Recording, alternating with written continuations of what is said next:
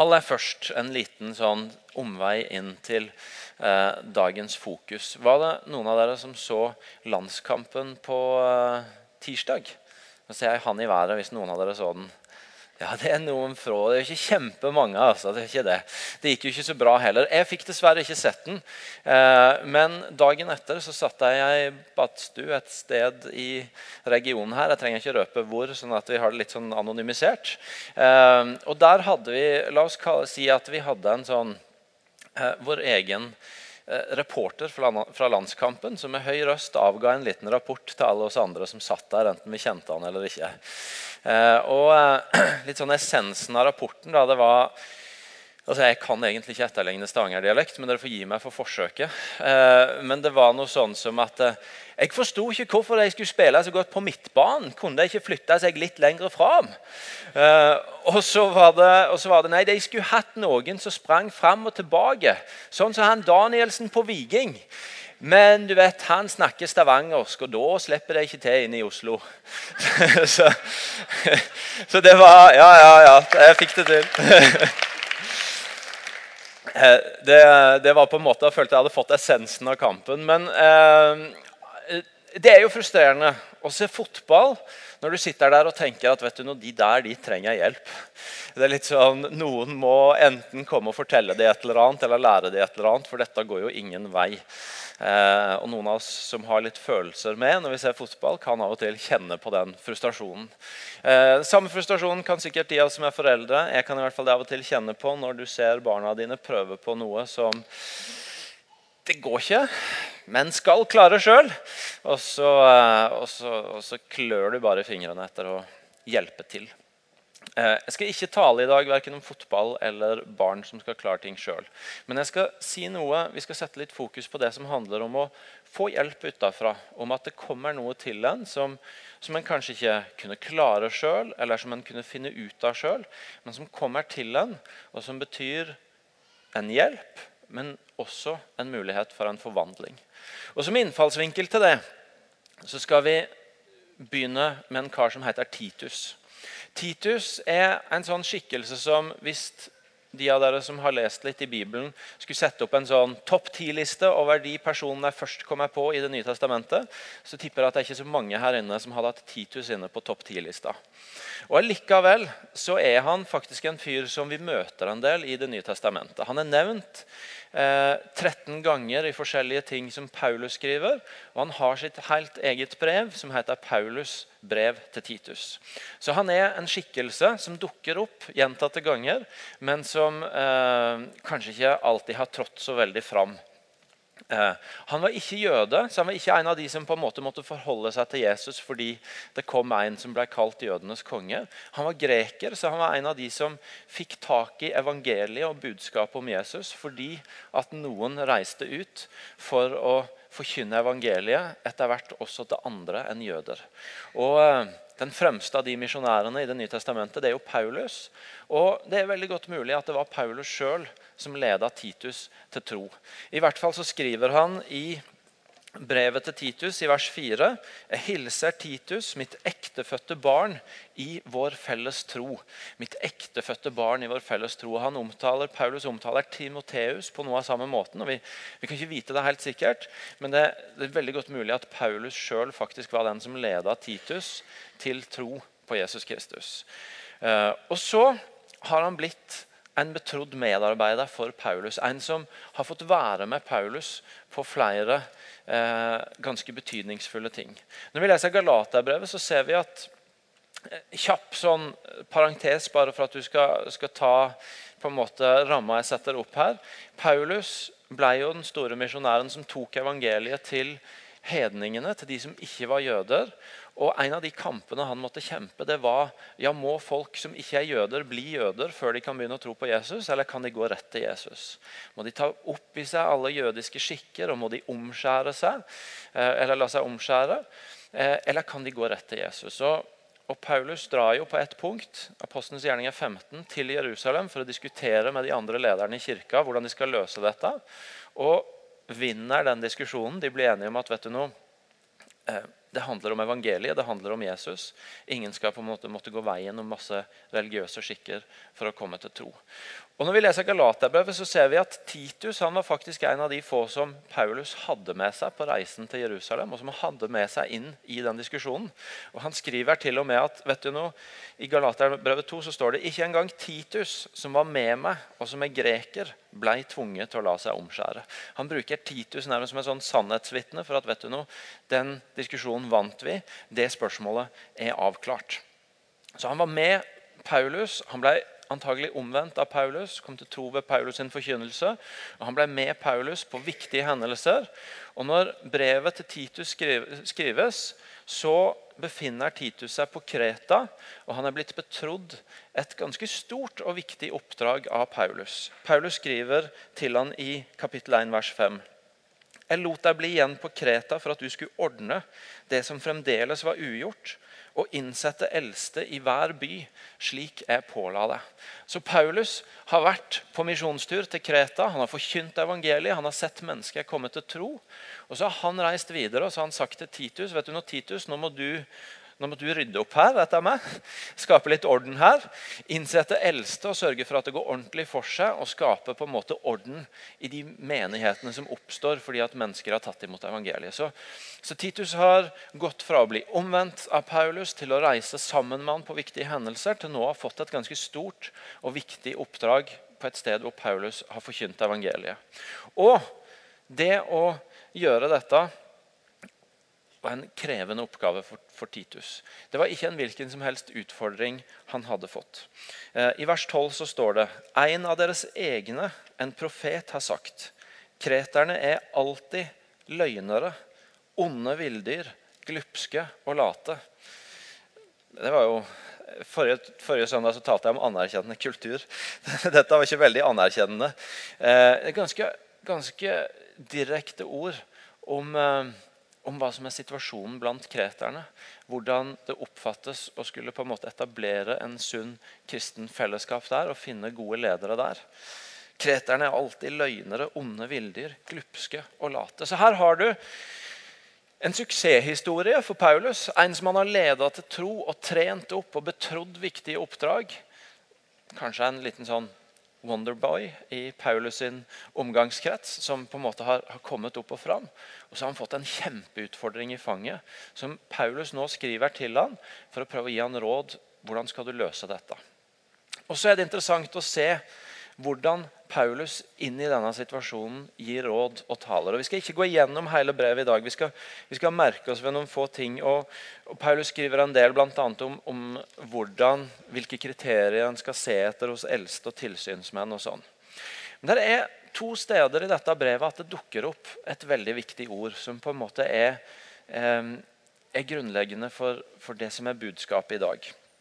Der står nemlig først i kapittel 2, vers 14. For Guds nåde er blitt åpenbart til frelse for alle mennesker. Guds nåde er blitt åpenbart til frelse for alle mennesker. Og Så står det i kapittel 3, vers 4. Men det blei åpenbart hvor god vår Gud og frelser er. Guds nåde er blitt åpenbart.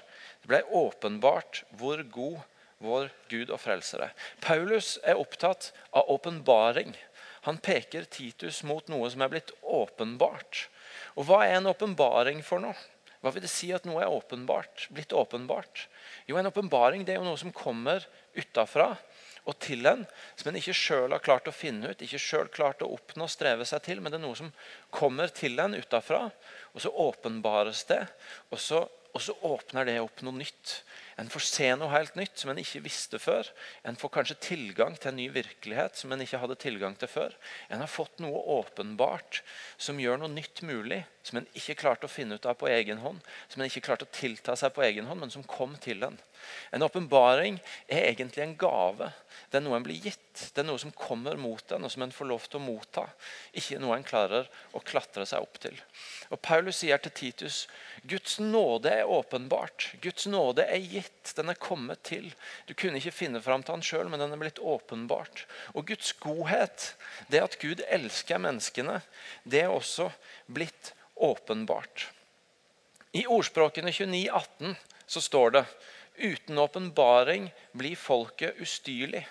Og En annen oversettelse sier uten åpenbaring så går folket vill.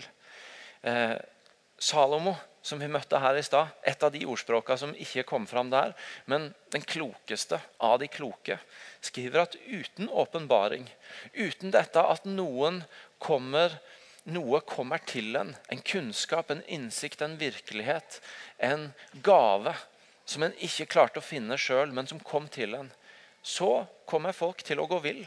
Og de kommer til å står det i den nye oversettelsen, bli ustyrlig. Det kommer ikke til å være helt mulig å holde kontroll på dem. Og Det er jo akkurat det Titus opplever på Kreta. Hørte disse her røffe beskrivelsene i stad. Vi kan nærmest se for oss hvordan Titus, denne unge lederen som Paulus har satt på et kjempeoppdrag, løper rundt og prøver å få litt skikk på det. Og, eh, og, og styre litt her og ordne litt der. Og, eh, og på en måte prøve å, å få dette her til å fungere. Og så er det som om Paulus ber han om å stoppe opp, og så peker han han mot åpenbaringen. Så peker han han mot at vet du noe, det, det, er ikke sikkert at dette her kommer til å løse seg bare ved at du prøver å forklare deg en hel masse ting ut fra ditt eget vett. Eller at du henviser til de, de sin forstand og hva som de måtte tenke er fornuftig og lurt. Nei, vet du noe, Her er det snakk om å peke dem mot Guds åpenbaring. Mot en åpenbaring som de ikke helt kunne finne på egen hånd, og som de nok ikke klarer å leite seg fram til på egen hånd, men som har kommet til oss, som har kommet til denne verden, og som blir gjort tilgjengelig for oss. Guds nåde er blitt åpenbart. Det ble åpenbart for oss hvor god vår Gud og frelser er. Når vi denne høsten setter fokus på godhet igjen, etter å ha hatt høyt fokus på det i menigheten i mange år, så, så er det ikke sånn at ønsket er å si det samme enda en gang til. Slå enda litt hardere på sprikeren. Få oss til å ta oss enda litt mer sammen for å bli litt ivrigere på godhet. Nei, Vi spør egentlig Gud om åpenbaring. Om at vi skal få se mer av Hans godhet og Hans nåde som er blitt åpenbart. Som har kommet oss i møte, selv om vi ikke klarte å finne fram til den. Og som fortsatt er en gave til oss, som vi kan få sette vårt blikk på og, og, oppdage at der vi ikke finner ut av alt, og der vi ikke har svaret på alt, og der vi definitivt ikke klarer å leite oss fram til Gud på egen hånd, så kom faktisk Guds nåde og Guds godhet oss i møte. Som en åpenbaring, som en gave, som fant oss når vi ikke fant Han. Og det er vår mulighet til å gå videre. Og når jeg og du er, har rota oss bort, blitt ustyrlige eller gått vill på andre områder i livet, så er det også vår mulighet og søke Gud for åpenbaring. Se i Hans ord og lytte til Han og be til Han. Og si, kjære Gud, dette klarer ikke jeg å rekke opp til. Men du har vist deg som en Gud som kommer ned, og som åpenbarer. Guds godhet ble åpenbart for Titus, for folket på Kreta, for oss. Og i det så ligger muligheten til å se noe nytt, til å vokse, til å se ny forandring, nye steg nye muligheter. Guds godhet blei åpenbart. Hva, hva, betyr det? Hva er det som åpenbares? Han er så opptatt av åpenbaring. og Jeg har på en måte forskuttert det litt, for jeg har gjentatt nåde og godhet. Men, men, men la oss bare lese litt mer av de versene hvor dette med åpenbaringen står. Det står først For Guds nåde er blitt åpenbart til frelse for alle mennesker. Den oppdrar oss til å si nei til et ugudelig liv og verdslige lyster og leve forstandig, rettskaffent og gudfryktig i den verden som nå er. Mens vi venter på vårt salige håp, at vår store Gud og Frelser, Kristus Jesus, skal komme i kjærlighet. Og så Hør på dette.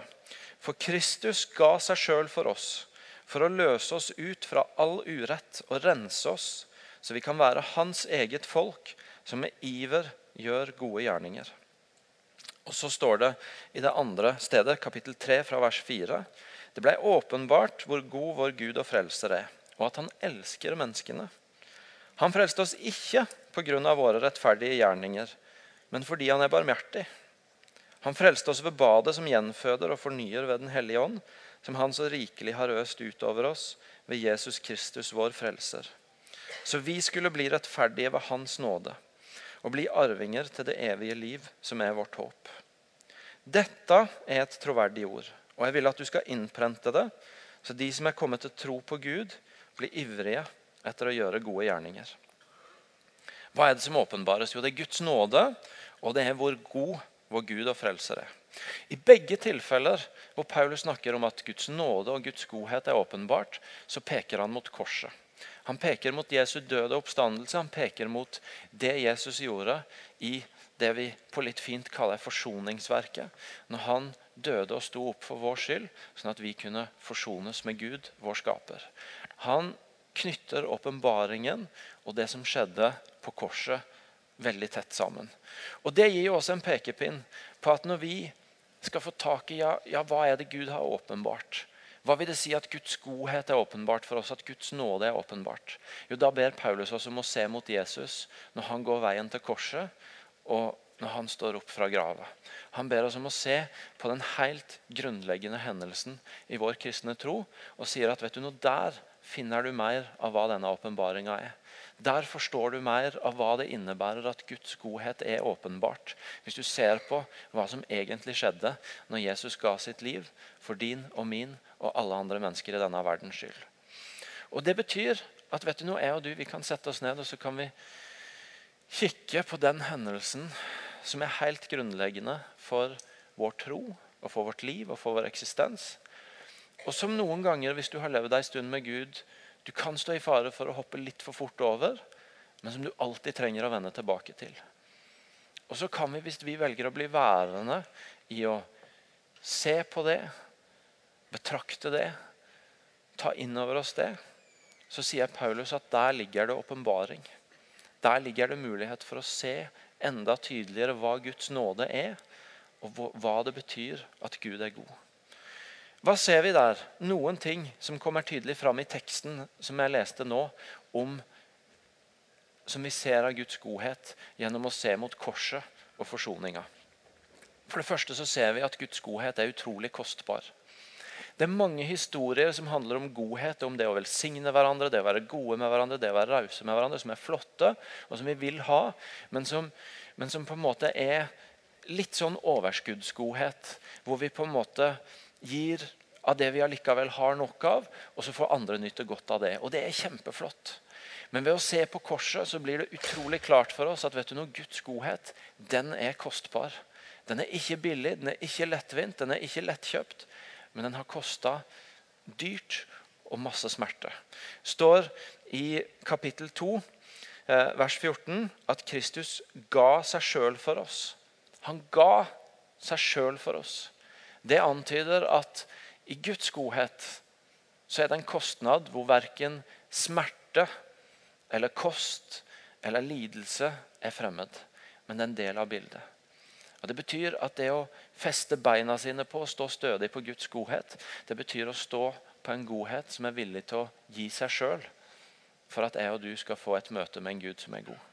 Som er villig til å ikke bare gi det en allikevel kan unnvære, men som er villig til å gi sjølve livet for at jeg og du skal få møte en Gud som er god. Så Guds godhet den er ikke enkel, den er ikke lettvint, den er ikke billig. Den er utrolig dyr. Den koster liv, og det var en som ga seg sjøl for oss. Så ser vi også, når vi ser på korset sånn som Paulus maler det i disse kapitlene, at Guds godhet gjelder alle mennesker. Det står at det var til frelse Guds nåde er blitt åpenbart. Til frelse for alle mennesker. Og Det kan bli en setning, det. Men det er egentlig helt utrolig at det finnes en virkelighet i denne verden som er så full av skiller. Av innafor og utafor, av status og steder på stigen. Av historier om masse rikdom i oljebyen og samtidig et helt bakteppe av folk som ikke lever i den virkeligheten innafor og utafor. Og så finnes det en virkelighet hvor det gjelder alle mennesker. Hvor det ikke er et innafor og utafor i forhold til hvem som denne nåden og godheten er tilbudt for. Men er faktisk tilgjengelig for alle. Tenk at det midt i vår verden finnes en virkelighet tilgjengelig som er for alle. Som ikke har innafor og utafor. Som ikke dveler ved historie eller muligheter eller rikdom eller forutsetninger. Men som bare sier at vet du noe, dette var til frelse for alle mennesker. Wow! Jeg kjenner noen mennesker som trenger å høre det. Som er vant til å høre seg sjøl utafor. Som er vant til å tenke seg sjøl utafor. og som trenger å høre at vet du noe, det finnes et sted hvor du alltid har mulighet til å være innafor. For denne godheten, som er så dyr, som er så lite lettvint, den er faktisk tilgjengelig for alle. Wow! Det er tøft. Er det ikke det? Så står det også at denne godheten er grenseløs. Den er grenseløs. Der står nemlig at Kristus ga seg sjøl for oss for å løse oss ut fra all urett. All urett. Det er noen ganger jeg kommer hjem, og til og med til kona mi, som jeg vet elsker meg, som jeg egentlig alltid vet det går bra til, så tenker jeg noen ganger at vet du noe, nå har jeg gjort noe som er såpass dumt at jeg, jeg tror ikke jeg vet ikke hvordan jeg skal komme meg ut av det. Jeg vet ikke, jeg har egentlig lyst til å ikke si det, eller unngå det. Eller, og det, ikke sant? Hvis jeg hadde begynt å gi dere eksempler, så hadde dere hørt at det er små ting. Det er bagateller. Det er ting som Det går jo bra. Det kan hende vi må ta en runde på det, og så går det bra. Men det finnes mange ting som vi kan føle at er mye verre, og som gjør at vi tenker jo, jeg hører hva du sier om at det er for alle, men du vet ikke hva som er min historie. Du vet ikke hva jeg har gjort. Du vet ikke hva som rører seg bak min fasade, eller som ingen eller bare noen få har kikka inn i, og som jeg i hvert fall ikke har noe tro på at Gud vil sette særlig pris på å kikke inn i. Nei, Gud setter jeg ikke pris på å kikke inn i det som er såra og ødelagt og eh, ute av stand i denne verden. Men hans godhet, hans kjærlighet, hans frelse kjenner ingen grenser i forhold til å gjenopprette og tilgi og bringe en ny start for det som har gått galt. Guds godhet ser vi når vi ser på korset, er faktisk grenseløs. Det går ikke an å sette et grense at vet du noe, her, her går det en grense. Har du gått så langt, så kommer du ikke inn. Men den er faktisk åpen for alle mennesker med alle historier og all slags mulig ting i bagasje og historie. Guds godhet for alle er grenseløs. Og så er den altså gratis. Den er en gave. Det er nettopp det at den kommer til oss som en gave utafra fordi vi ikke kunne få det til sjøl. Det står ikke bare at det ble åpenbart hvor god vår Gud og frelser er, og at han elsker menneskene, men det står i neste vers at han frelste oss ikke pga. våre rettferdige gjerninger, men fordi han er barmhjertig. Han frelste oss ikke pga. våre rettferdige gjerninger, men fordi han er barmhjertig. Guds godhet er en gave. Den kom ikke fordi vi fortjente det. Den kom ikke fordi vi kunne betale for det. Den kom ikke fordi selv om den var dyr, så kunne vi gi enda litt til. Men den kom helt gratis, og det gjør det mulig at den er for alle, og at den er så grenseløs som jeg har beskrevet den som. En siste ting som jeg har lyst til å framheve at vi ser når vi ser hvordan Paulus maler forsoninga i disse avsnittene, er at Guds godhet forvandler. Det står nemlig at han renser oss så vi kan være hans eget verk. Jeg leser det verset en gang til. Kristus ga seg sjøl for oss for å løse oss ut fra all urett og rense oss, så vi kan være hans eget folk, som med iver gjør gode gjerninger. Guds godhet har et mål, og det er forvandling. Paulus beskriver hvordan denne åpenbarte nåden og godheten skal rense og frelse, sånn at vi blir nye. Sånn at det blir en forvandling i oss, sånn at vi blir hans. Og at vi med iver gjør gode gjerninger. Guds godhet har faktisk kraft i seg til å forvandle. Og det er noe av det som er så rått. At det er ikke bare en flott idé. Det er ikke bare noe vi kan vite at mm, det er for alle, også for meg. Men vi kan få ha en frimodighet på at vet du noe, i Guds godhet så finnes det en kraft som kan forvandle. Som kan nyskape. Som kan bringe det som ikke var godt, til å bli noe godt. Bringe det som var ødelagt, til å bli noe som får ha betydning. Guds godhet forvandler mennesker og situasjoner. Når du og jeg ser mot korset, så ser vi Guds godhet åpenbart. Og kanskje noe av det vi skulle bruke litt tid på i uka som ligger foran oss, og nettopp gjør det. Og stoppe opp og ta inn over oss at vet du noe, han døde for meg, og han døde for du. Og I det så er åpenbaringa hans godhet. Og så vil vi ved å be Gud om en større åpenbaring av hans godhet, og få se mer av det underet, av den nåden, så vil vi også oppdage at Guds godhet åpner nye sider av seg sjøl, som viser hvor solid den er, hvor sterk den er, hvor grunnleggende den er, hvor utrolig fundamental den er for vårt liv. og vi kan få lov til å stå på den. I dag har vi døpt to barn som skal få lov til å leve et helt liv med den som plattform. En sånn ufattelig godhet. Og det er min og din mulighet å leve med den samme plattformen. Å stoppe opp for og kikke mot det stedet hvor Guds godhet er åpenbart. Så må vi ta med én ting til før vi begynner på avslutninga her. Nå har, jeg, nå har, jeg, begynt å kopiere Martin. Begynne og slutte. Det, det, tror jeg aldri jeg har sagt før, men nå kom det. Eh, for du som er gjest, de som er vant til å høre noen av som taler, ofte er tale, de blir vant til noen saying. Så Martin sier nå skal jeg begynne å slutte. Da kan du stille klokka på en fem-ti minutter, og så, så kommer det. Eh, Paulus peker et, på et siktemål med godheten. Han sier åpenbaring. Guds godhet og nåde er åpenbart. Titus, du må peke deg mot det hvis du skal se en forvandling. For du kommer ikke til å klare å løpe rundt og håndtere dem. Du må peke deg mot åpenbaringa. Åpenbaringa er Guds godhet og nåde uttrykt i Jesu døde oppstandelse for vår skyld. Og så sier han så vil det ha en effekt. Hvis de får se denne åpenbaringa og får la den møte sitt liv, så har den et siktemål. Begge steder så sier han i, Etter at han har sagt om at Guds nåde er blitt åpenbart, så sier han altså at så vi kan være hans eget folk, som med iver gjør gode gjerninger. Og etter at han har snakka om åpenbaringen av hvor god vår Gud og frelser er, så snakker han om at du skal innprente det. Jeg vil at du skal innprente det. Så de som er kommet til tro på Gud, blir ivrige etter å gjøre gode gjerninger. Paulus beskriver at vet du noe, hvis disse blir innprenta, hvilken godhet det faktisk er som er tilgjengelig og har møtt deres liv, så vil effekten være en iver etter å gi denne godheten til verden rundt. Det vil, det vil, løses ut en iver blant disse gærne kreterne, som det i utgangspunktet bare er masse sprøtt å si om, og det høres ganske håpløst ut. Men hvis de får Guds godhet åpenbart, så vil de faktisk forløses en kraft som gjør at iveren de sin ikke går mot ondskap, men mot å gjøre gode gjerninger. Det er kraften i Guds godhet åpenbart. Det er kraften i å møte evangeliet, i å se Guds nåde og godhet gjort tilgjengelig for våre liv. En forvandling som gjør at det som før var en retning mot ondskap, nå blir en retning mot iver etter å gjøre gode gjerninger. Og det er litt av en forvandling. Jeg syns det er fascinerende at Paulus sitt råd i en krevende situasjon ikke er tips og råd til hvordan kan du kontrollere og holde styr på disse kreterne. Men det er forkynn Guds godhet. Åpenbar Guds godhet for dem. Og du skal se at de blir forvandla, sånn at retningen på livet blir en helt annen. Ikke kontroller dem, ikke pisk dem, men forkynn Guds godhet. Forkynn frelsen. Og så skal du se en helt ny retning på livet. Vi tenker så ofte at noe enten er ondt, eller så er det godt. Enten så er det noe dårlig, eller så er det noe bra.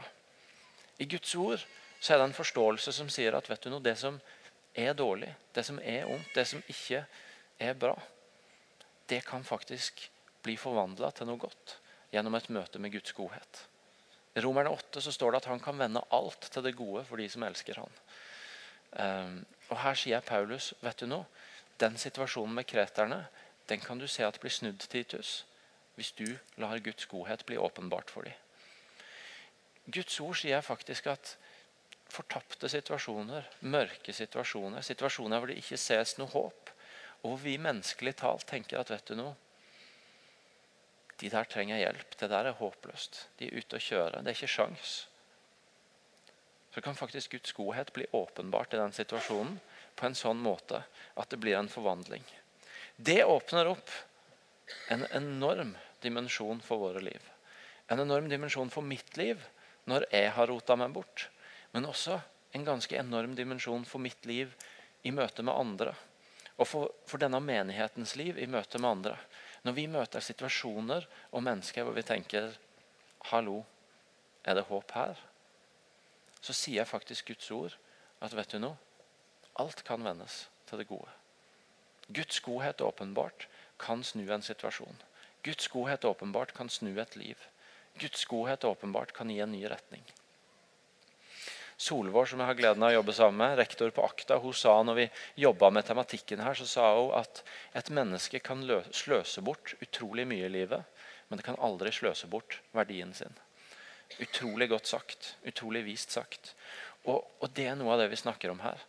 Guds godhet åpenbart viser oss at vet du noe, om mye kan gå galt i livet, og mye kan ta en skeiv retning, så kan faktisk verdien til et menneske i Guds øyne aldri bli sløst bort. Og Det betyr at der er alltid håp. Der er alltid en mulighet, så lenge Guds godhet er og blir og skal fortsette å være åpenbart for oss som en mulighet til frelse og forvandling. Og Derfor så har jeg lyst til å denne uka gi deg to utfordringer når du går hjem og skal ta med deg denne forkynnelsen videre inn i din uke. Det ene er å kikke som jeg har sagt, på korset. På åpenbaringen av Guds godhet. På selve nøkkelhendelsen som viser oss hvordan dette ikke bare er en sånn spennende motivasjon, men det er faktisk en kraft til forvandling. Og Det andre er å utfordre deg sjøl på situasjoner hvor du ikke har tro på at noe er mulig. Hvor du ikke har tro på at en forvandling er mulig. Hvor du ikke ser at Guds godhet kan virke. Og så skal du la det du ser når du ser på korset, få utfordre deg på å tro at Guds godhet er mer radikal enn du trodde. At Guds godhet åpenbart når lenger enn du trodde. At selv om du har gått lenge med han, hvis du har det og tror at du kan det, så kan du det ikke. Fordi den utfordrer dine grenser for hvem som kan komme inn, for hva som kan komme inn, for hva som kan bli forvandla. Fordi Guds godhet åpenbart forvandler menneskers liv. Paulus så det, og han hadde opplevd det sjøl. Han prøvde å vise Titus det, sånn at ikke Titus rota seg bort i en sånn menneskelig forskjell på å kontrollere. Og Jeg tror Gud vil at vi skal se det, sånn at denne verden får ikke bare våre forsøk på å gjøre Guds godhet tilgjengelig, men at denne verden får Guds godhet åpenbart gjennom mitt og ditt liv. Det klarer vi ikke sjøl, men det klarer vi med Guds hjelp. Skal vi reise oss og be sammen?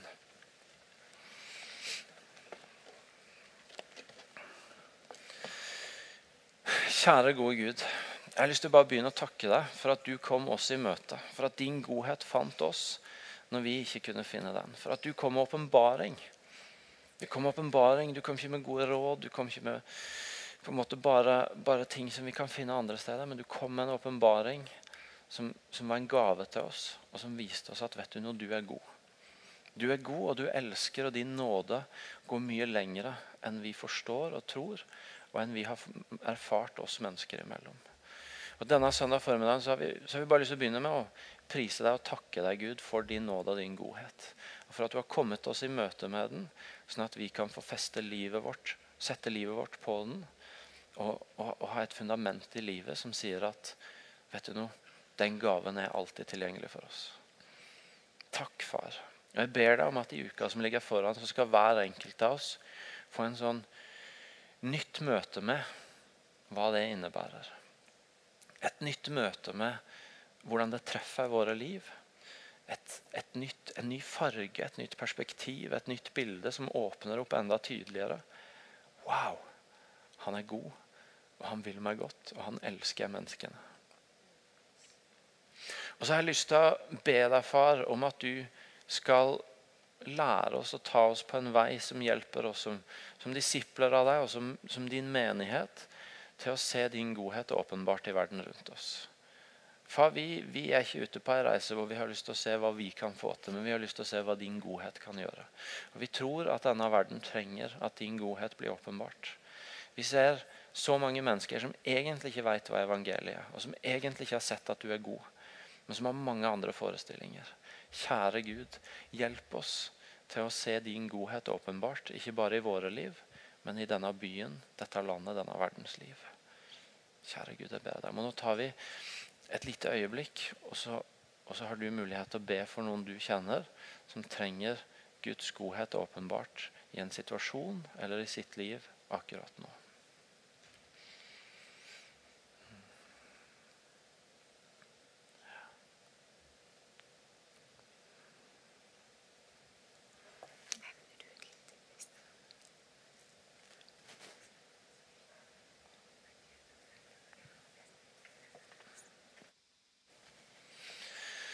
Hvis du er her i dag og ikke ennå har gitt livet ditt til Jesus, begynt å gå med han, og har hørt dette budskapet om en godhet åpenbart som kommer til du, som ikke du trenger å finne fram til, men som kommer til du, og som er grenseløs, og som er for alle, så er du velkommen til å begynne å gå med han. så er denne godheten tilgjengelig for du. Så er denne godheten blitt åpenbart for ditt liv. Og da har jeg lyst til å be deg om å, nå, Når vi begynner å synge, så kommer våre forbedere til å stille seg opp på sida der. Og da jeg be deg om å bare gå til en av de, og så vil de gjerne snakke litt med deg, be for deg og lede deg til å begynne å gå en vandring med han. Det kan jeg anbefale. Det har jeg prøvd sjøl. Eh, og det er en fantastisk vei å gå. Så skal vi synge en sang sammen.